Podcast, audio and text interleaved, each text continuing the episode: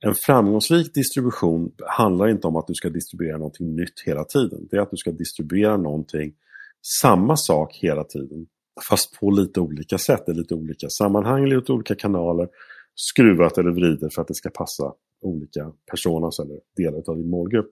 Och då kommer ju det här content repurposing in som ett väldigt effektivt svar på alltså hur löser vi kravet på att vi ska ha mycket innehåll i vår distribution. Ja, det gör vi genom att göra om det vi har istället för att hela tiden göra nya saker.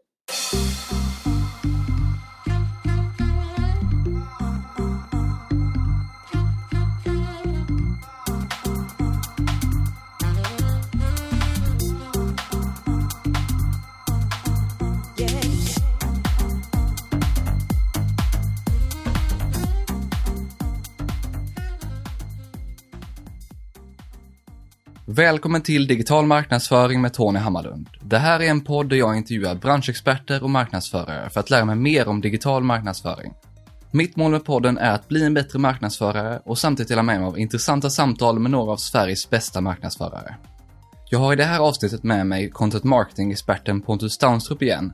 Den här gången för att diskutera innehållsdistribution och content repurposing. Pontus har jobbat länge med content marketing och gjort det på både byråsidan och på företagssidan. Han har dessutom varit med och byggt upp content marketing-initiativ i både små och stora företag med såväl strategi som praktisk innehållsskapande. Han är även aktuell med content-handboken som du får höra mer om. I det här avsnittet fokuserar jag på innehållsdistribution och content repurposing som är viktiga områden för alla som arbetar med content marketing. Och två ämnen som Pontus verkligen brinner för.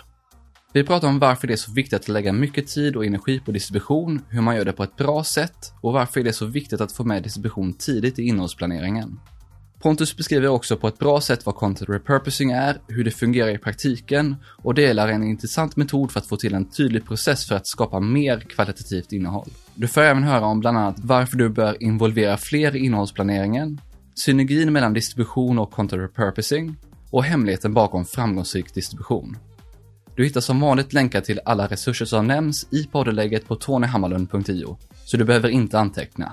Och efter länkarna så hittar du tidsstämplat i olika sektioner i intervjun samt en bonusresurs från Pontus. Innan vi hoppar in i intervjun så vill jag även passa på att säga att podden har ett samarbete med Dagens Analys som är en riktigt bra sajt för oss som arbetar med digital marknadsföring. Så kolla in den om du inte redan gjort det på dagensanalys.se. Nu kör vi igång och Pontus inleder med att beskriva vad innehållsdistribution är. Distribution det är egentligen fr från det ögonblicket som innehållet finns så börjar du sprida det på olika sätt. Man kan säga att du kan dela upp det här på olika sätt. Du kan, du kan sprida det i dina egna kanaler som du har total koll på. Du kan sprida det i kanaler eller medier som du köper och du kan sprida det i kanaler eller medier som du förtjänar. Och eh, det här är, det, det, är viktigt, eller det som jag tycker är så viktigt med distribution, det är att man faktiskt tittar på helheten i det här. Att både, alltså, vad kan jag, hur kan jag använda det innehåll jag producerar maximalt i mina egna kanaler? Och här finns det en, en, en sak som jag har stött på ganska många gånger. Det är att ett företag till exempel gör innehåll och bara kör det i en enda kanal man, man har flera olika kanaler. Du har kanske en webbplats, du har ett nyhetsbrev, du kanske har till och med en kundtidning eller du har andra kanaler som du använder. Men du både producerar och sprider innehållet i en enda av de här kanalerna.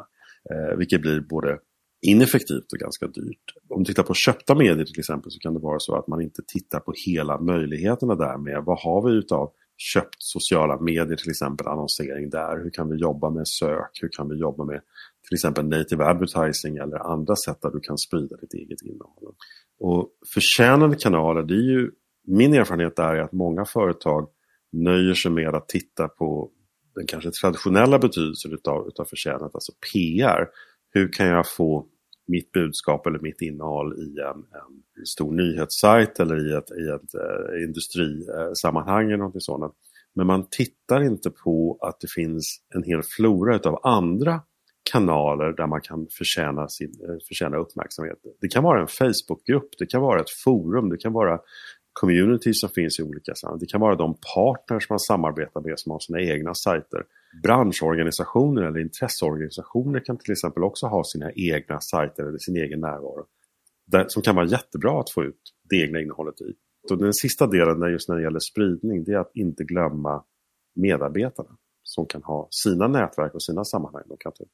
Jag är helt enig, för det är väldigt många som glömmer alla sätt det finns att sprida innehåll. Att det just inte bara är att lägga ut det på webbsidan, på Facebook-sidan, på LinkedIn och kanske ha, om man har något nyhetsbrev, utan faktiskt titta på hur kan man distribuera innehåll.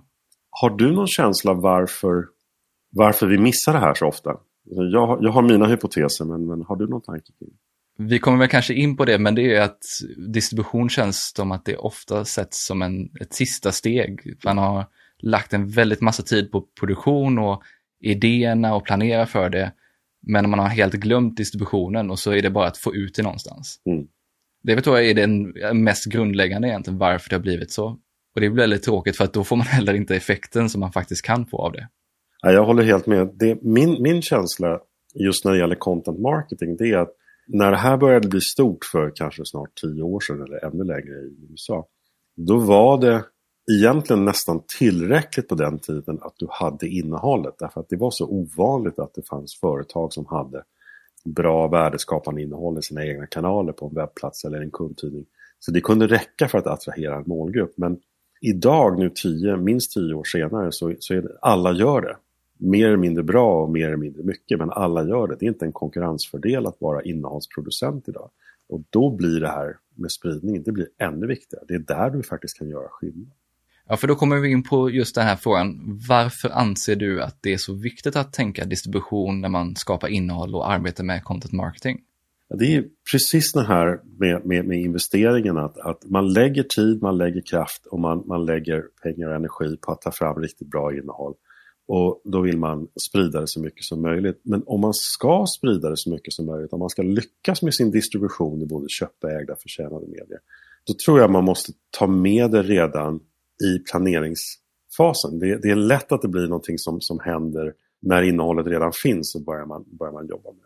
Men man måste tänka på, när, när jag planerar i olika format och olika kanaler, vad kommer det här att ställa för krav? Om jag ska använda det i, i social medieannonsering, vad, vad krävs utav mig då? Eller vad krävs av det här innehållet då? Ifall jag ska använda det i ett nyhetsbrev, ifall jag ska använda det i, i native eller försöka få in det på en partnersajt. Vad, vad kommer att krävas av själva utformningen av innehållet? Och sen planeringen och produktionen, där blir liksom distributionen ligger som, som inbakat som en röd tråd. Hur mycket tid tycker du att man behöver lägga på distribution kontra produktion? Om vi går tillbaka till den här diskussionen om mm. det här ofta är någonting som kommer i sista steget. Jag brukar ibland säga att man ska lägga ungefär dubbelt så mycket tid på distribution som på produktion. Men det gör jag egentligen mer för att försöka liksom väcka tanken. Så att egentligen så tycker jag att det, det funkar alldeles utmärkt om man lägger ungefär 50-50. Min känsla är att många företag så lägger man liksom 80% av tiden på att producera innehåll och i bästa fall 20% av tiden på att sprida det. Och kan man då få ner det till ungefär 50-50 då har man gjort en jätte, jättevinst där. En annan sak som, som just är viktig att tänka på där det är också att distributionen är någonting som du gör över tid. Planeringen och produktionen av innehåll kan du ibland göra inom en, en relativt nära eller en relativt avgränsad tid. Men vi kommer ju tillbaka lite till det här senare, antar jag med content repurposing, men just att du jobbar med innehållet, att använda det och återanvända det flera gånger. Och det är en viktig del av distributionen också. Ja, vi kommer in på det senare, men det är ju helt rätt att det är ju inte så att man lägger all tid på distributionen direkt efter man har producerat innehåll, utan det är ju någonting som kan komma under lång tid. Hur gör man för att tänka distribution redan från början när man planerar innehållet? Alla företag eller alla personer som arbetar med content marketing har någon form av planeringsprocess. Det kan vara till exempel så att man, att man eh, arbetar med en redaktionell kalender. Säger att det här vi ska liksom producera det här innehållet, vi ska jobba med det på olika sätt. Och att man då har med från början att man har plottat ut vilka kanaler, vilka medier är det som är aktuella. Om jag får ta ett konkret exempel på hur man inte ska göra. Så jag jobbade tillsammans med ett, ett stort svenskt företag för några år sedan. La jättemycket tid, jag la jättemycket pengar på att producera innehåll men man gjorde det helt och hållet i silos. Så att liksom, en kanal hade sin egen innehållsproduktion. Sen i slutändan när man hade det här innehållet på plats så, så, dumpade man över det på den tiden en enda social media manager. Jag hoppas det är bättre idag. Som skulle ta ut det här i olika sociala kanaler men som inte hade någon som helst eh, möjlighet att påverka vad som, vad som hände. Utan hon i det här fallet fick det här i händerna. Det kunde vara liksom ett white paper, det kunde vara en artikel, det kunde vara en lång video. Inte anpassad för sociala medier och ur det fick hon då i sista minuten sitta liksom, och ta fram sånt som fungerade för eh, till exempel för Facebook eller LinkedIn. Och det hade ju varit mycket bättre ifall hennes kunskap om vad som krävdes till exempel i sociala medier hade funnits med redan i planeringen. Och sen så har du andra experter på andra typer av, du har kanske PR-experter som är vana vid att jobba med förtjänade eh, medier, du har de som äger olika kanaler i, i företagets egen regi och allesammans har sina krav och sina önskemål och att du faktiskt samlar det här när du redan arbetar med, med din innehållsplanering och, och, och gör innehåll utifrån det. Ja, att alla får vara med på planeringsmötet, att inte de kommer in i den processen långt senare. Ja men precis. Jag, min känsla är ibland att det kan vara faktiskt så. Det låter säkert extremt men just att det är en liten grupp som planerar och producerar innehållet och en, en helt annan grupp ibland som, som faktiskt är de som ska stå för distribution. Men hur tar man fram en process för att göra det här på ett strukturerat sätt så att det inte blir så? Jag, jag skulle utgå från den innehållsplaneringsprocess som man säkert redan har på plats idag. Då, till, som till exempel då kan röra sig kring en redaktionell kalender. Men att istället för att den här kalendern kanske i dagsläget talar om att under första kvartalet så ska vi arbeta med det här innehållet, vi ska producera det i de här olika formaten. Att man då lägger extra mycket vikt vid att, att lista och bena ut vilka olika kanaler och medier kommer vi ta ut det här i. Därför att då kan du väva in i innehållsplanering vad som behöver då vara särskilt framtaget till exempel för att fungera i sociala medier. Eller vad som behöver vara särskilt framtaget för att det här ska bli om en del av innehållsarbetet ska, ska resultera i till exempel en, en native advertising artikel. Så att du kan jobba i, inom ramen för din, din existerande eh, redaktionella kalender, din in, innehållsprocess med att väldigt tydligt tala om vilka olika krav som, som distributionen ställer på. Sen en sak som jag tycker ofta saknas, det är just det som vi var inne på tidigare, det här med att involvera andra parter i innehållet. Så att det är redan med där från början, så att man vet hur man faktiskt ska få spridning och engagemang i det innehållet som man oavsett kanal skickar ut. Jättebra, jag håller helt med. Två dimensioner, dels att involvera andra Dels för att de har kunskapen men också för att de kanske får feedback från till exempel kunder från vissa perspektiv, vad som funkar och vad som inte funkar. Då kommer det tillbaka liksom, i innehållsplaneringen igen. En annan sak är ju också jätteviktigt att, då att ta in hur det faktiskt har gått för innehållet och utifrån det lära sig vad man kan göra mer eller, eller mindre av framåt. Jag tänkte att vi skulle komma in på just det här att analysera resultat av distribution, men innan vi kommer in på det så tänkte jag också fråga just hur mycket tid och hur mycket fokus bör man lägga på organisk kontra betald distribution idag? Min misstanke är att de, de flesta som, som lyssnar på det här skulle kunna göra mycket mer med, med bara distribution överhuvudtaget. Och ifall det är någon som känner att nej men det här, vi faktiskt, vi har plåtkoll på det här, så ber jag om ursäkt. Men min känsla är att många skulle faktiskt kunna jobba med distribution mer överhuvudtaget. Har man tagit det steget, då tror jag att det är jätteviktigt att i nästa steg säga vi kan inte förlita oss på den organiska spridningen, till exempel i sociala medier, utan vi måste jobba mer med betald distribution. Men det har att göra med hur jag tror att man, eller min erfarenhet är att många marknadsförare har allt för höga förväntningar på vad organisk distribution kan göra för dig idag. Alltså du är tvungen att betala för att få synlighet för rätt målgrupp och kunna leverera rätt innehåll till rätt målgrupp. Och det är ingenting som du kan lita på att den organiska distributionen kan ge det. Sen finns det alltid undantag. Men min generella bild är att man, man ska lägga mer, fram, lyckas man lösa distributionen så att man lägger mycket fokus på det, då är nästa steg att man också ska lägga mera pengar på betald distribution. Ja, framförallt där tänker jag det betalda är ju att där har du verkligen möjligheten att rikta det extremt specifikt till en viss målgrupp. Så där kan man ju prata att man gör någonting ännu mer riktat och kan bli ännu mer kraftfullt när man pratar distribution just.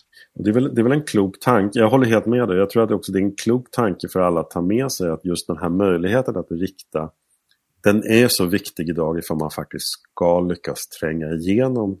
Alltså, om man säger att det är inte en konkurrensfördel att producera innehåll idag. Utan konkurrensfördelen ligger i att du kan sprida det på rätt sätt. Då är just den här möjligheten att både jobba med nischat innehåll men också med nischad distribution, eller väldigt, väldigt tydligt fokuserad distribution, någonting som faktiskt gör att man kan få ett bra genomslag. Men om vi kommer in på det här med att analysera resultatet, så att man framförallt då hela tiden kan bli bättre på distribution. Så hur arbetar man med analys av det här? Det finns säkert många sätt att, att göra det här på. Det, det jag gör när jag jobbar tillsammans med företag det är att se till att det här är en del av en regelbunden avstämning eller regelbundna planeringsmöten. På samma sätt som man har regelbundna möten kring vilket innehåll ska vi producera framåt? Att man faktiskt tar med på de mötena eller i närliggande möten, hur har det gått för det innehållet vi har gjort? Därför att det finns alltid en massa saker man kan lära sig kring hur har det funkat i sociala medier, hur har det funkat till exempel om vi har ett nyhetsbrev, om vi, om vi jobbar med marketing automation och kör flöden av innehåll eller bygger. Liksom, vad har fungerat där och vad har inte fungerat där? Och det här, det är det som jag försöker, mitt sätt att lösa det är just att se till att det här är någonting som, som hela tiden tas upp och att man både pratar om det när det gäller köpta men även ägda förtjänade medier. Den intressanta delen där tycker jag också är att ifall du, om du sitter på ett större företag och ska, ska lösa det här, då kan det vara så att du har väldigt många olika leverantörer utav kunskap. Det är inte bara du, kanske några andra som sitter och jobbar själva med analysen. Utan det kan vara så att du, du har en, en mediebyrå till exempel eller du har, du har en byrå som är specialiserad på SEO eller du har en byrå som är specialiserad på sociala medier eller en massa olika saker. Och att det är då är viktigt också att kunna kravställa att få in den här datan. Så att du utifrån vad de berättar, utifrån sin expertis, vad de ger för slutsatser, att du kan ta in det i, i din analys av distributionen för att se vad du ska göra mer eller mindre av. Och sitter man på ett mindre företag så kanske det är så att man själv har kontrollen på alltihopa. Men just att få med det regelbundet i möten, att hela tiden ha planering där, här, där datan är en del av planeringen och hela tiden återvända till hur har det gått, vad kan vi göra mer, vad kan vi lära mer? Ja, men jag tycker det här är ett jätteviktigt område för att det gäller ju att få den här loopen, alltså att man verkligen får feedbacken tillbaka, vad som funkar, både vad som funkar för typer av innehåll, i en viss kanal, men också rent budskapsmässigt, vad är det som faktiskt genererar någon respons från kunderna eller från eh, de man försöker nå? Håller med, jätteviktigt. Min känsla är, och det gäller både större och mindre företag, man har inte riktigt tiden eller man känner sig att man är stressad och ska skynda vidare. Det kan finnas krav från andra parter inom organisationen att man ska producera mer. Och att då blir det här en av de sakerna som man kompromissar bort. Och det, det är alltid lätt att säga att ja, man måste göra det här också. Men för mig är det här en av de viktigaste sakerna att lägga tid på. Att faktiskt förstå vad som händer med det innehåll man gör. Men vad anser du är allra viktigast om man ska välja ett minimum att följa upp? Vad är liksom grunden för att få en bra uppföljning av det innehållet man distribuerar? Det, det jag skulle säga som allra viktigast, det har egentligen mer att göra med den övergripande anledningen till varför man jobbar med content marketing, det är att man har man har ett tydligt syfte. Men det kan till exempel vara att skapa kännedom eller, eller bygga förtroende eller det kan vara för att öka försäljningen eller generera leads. Och det viktigaste förstås det är ju att mäta utifrån de kriterier man har ställt upp. Till exempel att om, om, det, om syftet är att öka kännedom så finns det kriterier på vad, är, vad innebär ökad kännedom och då blir det man mäter på om, om vi når dem. Och det är absolut det viktigaste att göra. Men, men säg att man faktiskt har tagit sig förbi det här att man mäter för att, att titta på eller man analyserar för att se om man uppnår de grundläggande målen. Då skulle jag just titta på en sån sak som till exempel hur väl lyckas vi med spridningen av innehåll i olika kanaler? Man kan börja med egna kanaler till exempel och säga att en av våra ambitioner inför resten av 2020 eller framåt, det är att vi ska bli bättre på att maximera innehållsanvändningen i våra egna kanaler. Och har man ännu mer tid så kan man säga att vi ska, vi ska maximera innehållsanvändningen även i köpta och förtjänade medier. Så man tittar just på, man ställer en, ett sådant krav på sig själv att vi ska öka spridningen. Vi ska bli bättre på att sprida innehåll och sen så mäter man utifrån det. Har vi lyckats ta ut vårt innehåll i fler kanaler? Har vi lyckats nå fram till fler personer i målgruppen genom att kunna använda flera kanaler, flera medier? Det är vad jag skulle fokusera på just därför att min erfarenhet är ofta att det kan, man, kan, man kan sätta upp massor med olika saker som man ska mäta på. Och risken är alltid att väldigt lite blir gjort. Nu ska man ta ett steg utöver det här, det grundläggande, att når vi det syfte, det grundläggande syfte vi har, så är det just att titta på, kan vi maximera spridningen? Kan vi bli bättre på distribution? Ja, men det är där jag tycker är riktigt intressant, just att gå från det här att bara mäta affärsmålen, hur uppnår vi dem, till att faktiskt titta på hur duktiga är vi på distribution? Mm. Mm. Hur bra lyckas vi i de olika kanalerna och vad är det vi gör rätt och gör fel i de olika kanalerna? Det där tycker jag är riktigt intressant. Det är jätteintressant och det är ett bra sätt att just beskriva det på. Alltså, vad, vad, vad, gör vi som fungerar bra och vad gör vi som fungerar mindre bra? Hur kan vi göra mindre av det och mer av det som faktiskt funkar? Men själva distributionen eller spridningen är ju en sak, men minst lika viktigt är ju att berätta budskapet på olika sätt i olika kanaler och olika format. Vi var inne på det lite tidigare här och det här är det som brukar kallas för content repurposing om man nu använder engelska låneord för det här. Vad är det här egentligen och varför är det så viktigt att arbeta med det här när man skapar innehåll och arbetar med content marketing? för, för mig så är då content repurposing, det, det är just det som du är inne på. Det är det här att man återanvänder eller anpassar innehåll som ett sätt att bli mer effektiv. Det är ett bra sätt att undvika överflödig contentproduktion därför att det är lätt att man, man har ett behov av att fortsätta generera innehåll. Man, man känner att det är så man på något sätt mäter sitt värde, att man fortsätter producera. Men det kan vara bättre att faktiskt återanvända och anpassa sånt man redan har gjort därför att man vet att det, det har bra kvalitet och det, det är effektivt. Vad jag menar med det är att, att just att återanvändning och anpassning handlar om att till exempel sätta ett tema, tanka ur så mycket som möjligt utav innehåll från det temat och sen börja anpassa det i olika sammanhang, olika kanaler, olika medier men även gentemot olika målgrupper och så vidare. Och det är det som för mig är, är content repurposing. Det kan vara både att återanvända innehåll men att anpassa innehåll. Men vad är det då man återanvänder eller anpassar? Är det temat du pratar om här? Är det budskapet eller är det den faktiska innehållsenheten eller alltså contentet som man skapat? Vad är det man återanvänder eller anpassar? Som jag ser det så är temat är själva grundbulten. Det är, det är där du har bestämt att nu ska vi, vi, för att då bygga förtroende eller för att öka försäljningen eller för att positionera oss själva som, som en auktoritet på något område så jobbar vi tematiskt med, med vissa frågor. Inom det temat så tar du sen fram budskap. Och det kan vara olika budskap därför att du vill nå olika målgrupper eller du vill nå målgrupper i olika situationer. Och i den sista delen av det här, efter temat, utifrån budskapet, det är då du börjar producera enstaka innehållsdelar. Om du återanvänder, då flyttar du egentligen från ett format till ett annat till exempel. Men om du anpassar, då, du är inte inne och petar på temat men du är i viss mån inne och petar på budskapet därför att du styr det mot till exempel från en målgrupp till en annan eller från en situation till en annan. Ja, men det tycker jag är en riktigt bra förklaring för det här är någonting som jag tycker sällan beskrivs väldigt väl. Just vad är det man faktiskt återanvänder eller anpassar? För det är väldigt lätt att kasta ut sig att man ska anpassa saker för olika kontexter, olika situationer, olika kanaler och så vidare, men, eller olika målgrupper. Men att vad är det man faktiskt gör? Det tycker jag är väldigt intressant och just att du beskriver de här olika nivåerna då. Man kan tala om det som, som, som dimensioner. Du har till exempel dimensionen kanal, eller du har dimensionen format, eller du har dimensionen var befinner sig målgruppen i en köpresa. Och du har en sista dimension, nämligen att du kan ha olika mottagare i den här köpresan. Så att i kanalen, där, där kan det handla om att du, du har en artikel som är framtagen för en webbplats som du återanvänder i en annan kanal. Men det kan också vara så att du till exempel riktar om den här artikeln den från början var tänkt att gå mot en särskild målgrupp eller en del av målgruppen. Formatet, det var det vi pratade om, det är när du, du går från, från text till video eller från, från podd till text eller, eller grafik eller någonting annat. Och i köpresan, där kan det vara det just att man återanvänder formatet, man, man använder sig av olika kanaler därför att man vet att man når mottagaren på olika sätt. Där. Alla mottagare i innehållet använder inte samma kanaler eller gillar samma format. Så det kan vara så. Och då kommer vi in på det fjärde delen då. Det här med persona, så att du kan till exempel jobba mot användare, du kan jobba mot beslutsfattare, du kan jobba mot påverkare. Det kan finnas andra exempel också. Och du anpassar innehållet. Ja, för ritar man ut det här så kan det här bli extremt mycket innehåll av ett enstaka budskap eller till och med av en innehållsenhet. När man pratar att det kan vara både målgrupper, det kan vara olika format, olika kanaler och dessutom olika steg i köpresan. För det är väl den dimensionen som jag tycker är den som tillför mest komplexitet egentligen, att du kan ju kommunicera olika budskap på olika ställen i köpresan också. En, en sak som du lyfter fram här nu som jag tror, som jag tror är väldigt viktig det är att om man ska kunna jobba på det här sättet så gäller det att man just arbetar tematiskt.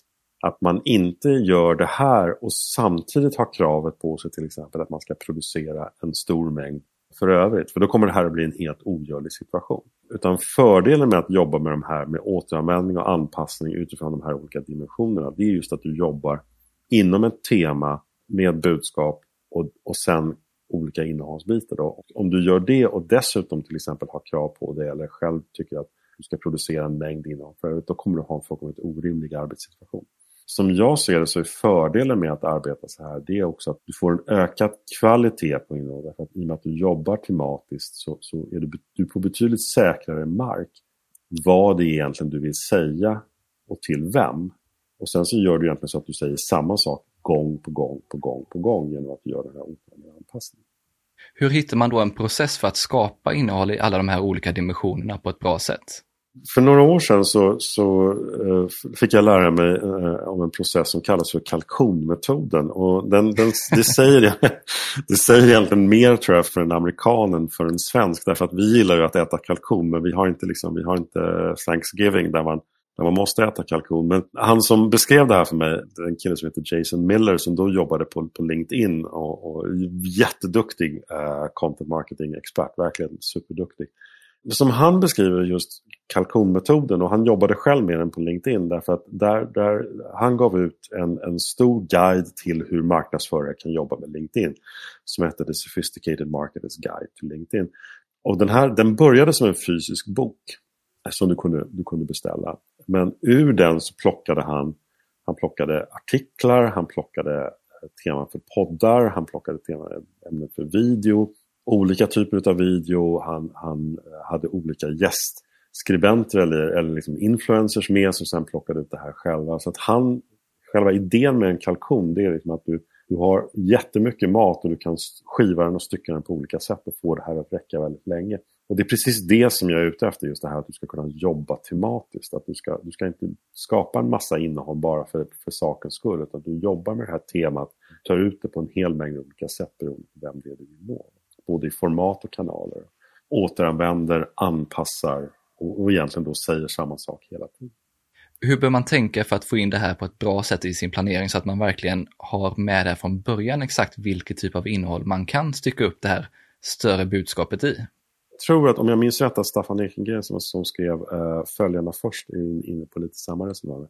Att man faktiskt sätter ett så här ska vi jobba med innehåll. Att man har en väldigt, väldigt tydligt definierad process kring det om man jobbar med kalkonmetoden till exempel, så att vi ska jobba tematiskt inom ramen för det här temat så ska vi utvinna så mycket innehåll som möjligt med, med hjälp av de budskap, de personer och de kanaler vi har.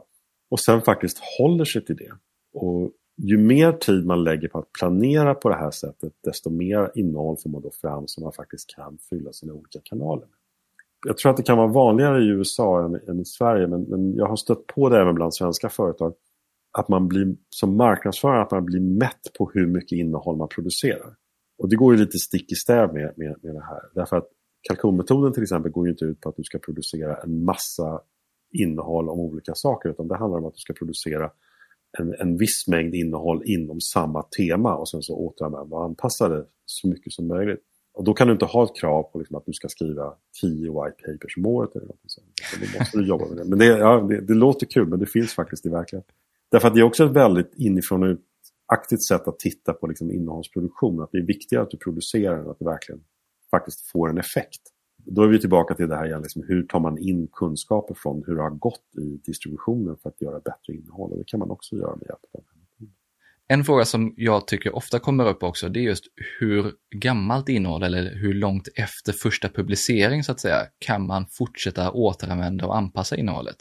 Jag tycker det viktiga där det är, det är ifall innehållet fortfarande är relevant. Om du till exempel, jag kan ju stöta på det ofta när jag, när jag tittar efter innehåll kring eller vill lära mig mer om till exempel om sociala medier. Så läser jag någonting som är intressant och så ser jag att det här ja, men det är tre, fyra år gammalt så att det, det här gäller inte därför att det, spelreglerna eller hur en sociala mediekanal fungerar har förändrats så mycket så att det här är irrelevant. Och det ska man ju vara väldigt noga med, att man inte fortsätter att sprida innehåll eller sprida budskap som faktiskt inte gäller längre. Men utöver det så tror jag det, det finns inget bäst före-datum om det fortfarande är någonting som, som tillför värde för företaget. Vad man däremot också kan göra om det skulle vara så att man har till exempel en bit innehåll eller ett budskap som, som kanske inte är helt up to date. Att istället för att slänga bort innehållet och börja om från början, att man faktiskt går in och uppdaterar just de bitarna för att på det sättet ge det nytt liv. Och det här vet jag är någonting som HubSpot har jobbat med väldigt, väldigt framgångsrikt. För de är jätteduktiga på att identifiera vilket av deras innehåll det är som går bäst. Och sen hela tiden se till att det har faktiskt det mest relevanta svaret, även ifall det har skett förändringar. Så att istället för att kasta ut allting, faktiskt titta på om mycket av det här fortfarande gäller så kanske det räcker med att vi skruvar eller uppdaterar vissa bitar och sen så har vi en bit innehåll som vi kan fortsätta sprida. Men en viktig poäng där, det är ju att det är inte bara att man slipper producera nytt innehåll, utan det är också att det är extremt värdefullt att faktiskt uppdatera innehåll om man tänker ur ren SEO-synpunkt. Precis. Att inte hålla på och producera nytt innehåll på samma område utan att faktiskt gå in och uppdatera och kanske fördjupa innehållet och bygga ut det ännu mer istället, att lägga tiden på det då? Jätteviktigt råd. Det, det, alltså har, man, har man lyckats få en bit innehåll att, att ligga bra till i, ur ett sökmotorperspektiv så ska man ju inte byta ut det mot något annat eller sluta använda det. Jättebra. Eller för den delen att man har fått en hel del länkar som pekar till det redan, så att det är onödigt att försöka bygga upp en till sida eller en till post om det här. Verkligen, för det, det, det, det, jag kan fortfarande se det ibland hur företag liksom kastar ut allt innehåll och all, all inlänkning och allting annat som de har lyckats med möda samla på sig och så som man vill göra en ny start. Och det, det är så viktigt att inte göra det. En sak som jag är jätteintresserad av att höra vad du tycker om det här, det är just vad det finns för synergi mellan distribution och content repurposing. För jag tänker att det finns en hel del värden som de kan ge varandra just hur man distribuerar innehållet och hur mycket innehåll man faktiskt producerar. Verkligen. Och om vi går tillbaka till typ där vi började med det här med, med, med distributionsfrågan så det som, som jag tror skulle hjälpa väldigt många företag det är då att bli, bli bättre på att både kartlägga vilka kanaler och medier man ska, man ska sprida sitt innehåll i och sen så ställa sig frågan hur kan vi maximalt använda de här olika kanalerna, de här olika medierna. Och ett svar som man skulle kunna komma tillbaka till då, är ja, vi behöver massor med innehåll. För till exempel i sociala medier så måste vi, ska, vi ska posta flera gånger i veckan på LinkedIn eller vi ska, vi ska vara så här och så här aktiva på Pinterest eller Instagram och sånt och det kommer att kräva enorma mängder. Men egentligen så skulle jag säga att det är precis det motsatta därför att det är inte så att du en framgångsrik distribution handlar inte om att du ska distribuera någonting nytt hela tiden. Det är att du ska distribuera någonting, samma sak hela tiden fast på lite olika sätt, i lite olika sammanhang, lite olika kanaler, skruvat eller vridet för att det ska passa olika personas eller delar av din målgrupp. Och då kommer ju det här content repurposing in som ett väldigt effektivt svar på alltså, hur löser vi kravet på att vi ska ha mycket innehåll i vår distribution. Ja, det gör vi genom att göra om det vi har istället för att hela tiden göra nya saker. Jag tycker det är en jätteviktig poäng, för från hur jag tänker så är det ju så att det är inte innehållsenheten som man ska distribuera i sig. Det är ju budskapet man vill få ut mm. och det får man ju ut på ett bredare sätt om man distribuerar det flera gånger i olika format, olika kanaler, i olika steg i kundresan till olika målgrupper. Istället för att man gör det vid ett fåtal tillfällen bara. Precis. Sen tror jag att det hjälper mot, och den här, jag är säker på att du känner igen den här också, det, det hjälper mot en ganska vanlig utmaning som, som marknadsförare har. Det här att vi tröttnar på vårt eget budskap långt innan mottagaren riktigt har förstått vad det är vi försöker säga. Jag vet inte vem på Klarna det var som pratade om, men just om det här konceptet kring smooth. Det är just att de skulle vara så trötta på det här budskapet internt. Det var först då de kände att det överhuvudtaget hade kommunicerats väl. Där de verkligen hade tröttnat på det själva. Men innan dess är det ju, det ska ta väldigt lång tid innan man har arbetat ut ett budskap ordentligt. Jag tror att det är en jätteviktig måttstock. Hur framgångsrik man är med sitt budskap. Det är när man är riktigt, riktigt trött på det själv. Då, då, då börjar det, och det här är, det är en utmaning därför att som människor, om inte som i allra högsta grad som marknadsförare, så vill vi gärna prata om nya saker. Vi vill prata om nya spännande saker. Vi vill prata om allt nytt fantastiskt som vi har att, att berätta för vår målgrupp. Medan vår målgrupp kanske precis har börjat förstå det som vi har pratat om ett halvår tidigare. Och det här det är, en, det är en verklig utmaning. Men, men det är där jag menar också just att det här med, med att jobba med repurposing, alltså anting, oavsett ifall det är återanvändning eller anpassning, är någonting som gör att vi faktiskt kan fortsätta säga samma sak men på ett lite annorlunda sätt och på det sättet hålla, hålla det vid liv. En sak som, som jag tror att det är viktigt att vi kommer ihåg det är att det, det är inte för vår egen glädje i att kunna berätta någonting nytt som vi jobbar med utan vi jobbar i allra högsta grad för att få ett genomslag hos målgruppen och då måste vi vara väldigt upprepade. För det är många marknadsförare som känner just det här med att man inte vill trötta ut sin målgrupp eller sina följare. Men det är väldigt sällan man gör det. Ja, och sen tror jag, det, det, tror jag du har alldeles rätt i. Sen tror jag det finns också många marknadsförare som får, om, om du jobbar på marknadsavdelningen på ett, på ett företag till exempel, så får du säkert höra från andra håll inom företaget att man kan inte hålla på och tjata om det där, nu måste vi prata om det här, det här, det här. Eller, du som marknadsförare vet om det här, vikten av att upprepa ett budskap för att få ett genomslag, men du kanske får höra från dina kollegor att det är dags att gå vidare, eller vi måste prata om någonting annat, eller nu har vi en ny produkt, eller nu har vi ett nytt ämne. Va? Det gäller att stå upp och tala om liksom vikten av att vara konsekvent och inte ha för många olika budskap på en och samma gång. Men om man tycker att distribution och content repurposing, content marketing och det här är riktigt intressant. Hur lär man sig mer om det här och blir riktigt bra på det? Finns några bloggar eller några sajter som jag skulle verkligen vilja rekommendera. Och jag, jag nämnde eh, HubSpot tidigare och, och, HubSpot är inte bara ett verktyg för marketing automation utan det är också det är en väldigt bra kunskapsbank kring marknadsföring och försäljning med, med, med hundratals artiklar. Och de har, har, har gjort en hel del kring det här, inte minst om, om repurposing som kan vara väl värt att läsa. Sen har jag två stycken favoritsajter som jag ofta hänger med just därför att de är nere och, och, och som grottar ganska mycket i det här mera liksom, hantverket. Det ena är en, ett företag som heter Orbit Media eh, som eh, har en, en, en väldigt duktig kille som heter Andy Crestodina som, som, som jobbar mycket med både med, med sök och med content och med repurposing och content-effektivitet och så vidare som jag verkligen kan rekommendera.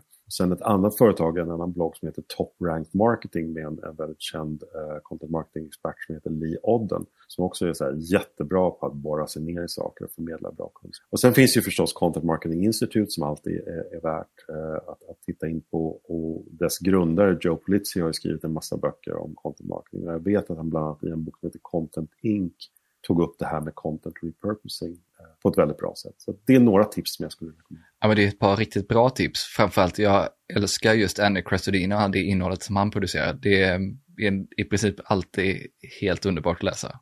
Ja, men visst är det. Alltså, han, han är, jag, jag är så imponerad av det han gör. Det är riktigt genomtänkta saker som han producerar och som han släpper, så det, det tycker jag är riktigt bra och det är ett bra tips där. Du är också aktuell med en ny bok som tar upp en hel del av det vi har pratat om idag. Så vad heter den boken och vad handlar den om? Ja, den heter, den heter Content-handboken och det jag ville med den boken, det var för, för några år sedan så skrev jag och en kille som heter Joakim Arhammar en bok som heter Content Marketing för alla. Där pratade vi egentligen mer om just hur man jobbar med content marketing och inte hur mycket om, så mycket om hur man jobbar med att faktiskt ta fram innehåll. Så jag ville ta fram en bok, eller jag ville skriva en bok som väldigt, väldigt hands-on handlade om hur man planerar innehåll, hur man jobbar med en innehållsprocess, hur man gör texter i olika former, hur man gör video i olika former, hur man gör podd i olika former, grafik och bilder och så vidare. Och även ha en hel del konkreta exempel på vad man faktiskt kan, kan skapa för slags innehåll. Så att jag har tagit fram till exempel 50 exempel på innehåll man kan skapa. Så den är väldigt hands-on och det var, det var precis det som var, som var poängen med det också. Just att den, att den, den ska hjälpa den som då sitter och ska producera innehåll. Jag har ju läst boken och jag tycker precis det du lyfter fram här, jag tycker det är riktigt bra just att få den här uppföljaren till alla de guider om content marketing, både i bokform och i bloggform som finns där ute. Men det finns relativt lite så som är så taktiskt eller strategiskt som du har i boken där. Det är kul att du gillar den. Jag hoppas verkligen att den ska hjälpa den som ska sitta och producera innehåll. Innan vi avslutar vill jag också passa på att kolla hur man följer dig allra bäst. Först och främst ska man ju se till att beställa en bok här, men vad följer man dig och det innehållet som du producerar? Jag är mest aktiv på LinkedIn och även på, på Twitter eh, i den mån nu någon har det. Men jag skulle säga att LinkedIn är den bästa platsen att både hitta mig och ta del av det jag gör och kanske också lära mig saker som, som jag inte kan om, om content marketing eller inbound marketing eller vad det kan vara. Ja, men jag ser till att slänga in länkar till dina profiler så att man kan hitta dig här efter också. Stort tack för idag Pontus! Alltid lika kul att vara med. Och bara för att säga det Tony, att jag är så imponerad av det här arbetet du gör med den här podden. Den är grymt bra på alla sätt och vis. Det är en stor ära att få vara med. Tack så hemskt mycket.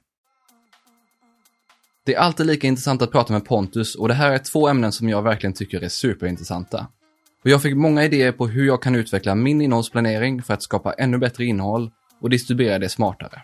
Några av de främsta sakerna som jag tog med mig från intervjun var hur viktigt det är att tänka distribution tidigt i innehållsplaneringen, att planera redan från början vilka olika typer av innehåll som ska skapas utifrån kärnidén, och att om man tänker i alla dimensioner vi pratade om så kan man skapa otroligt mycket innehåll. Hör gärna av dig på LinkedIn och skriv vad du tog med dig och passa gärna på att skicka en kontaktförfrågan. Du hittar som vanligt länkar till alla resurser som nämndes i poddeläget på tonyhammarlund.io. I podden hittar du även Pontus bonusresurs där han visualiserar hur man på ett smart sätt får in distribution och content repurposing i innehållsplaneringen. Och har du några frågor efter avsnittet så kan du ställa dem direkt i kommentarerna inne i poddenlägget. Gillar du avsnittet och podden så får du inte glömma av att prenumerera och tipsa gärna andra om podden. Avslutningsvis vill jag passa på att tacka Mikael på Newbridge Music som hjälper till med att producera den här podden och stå för musiken. Vi hörs snart igen med fler intressanta gäster och ämnen.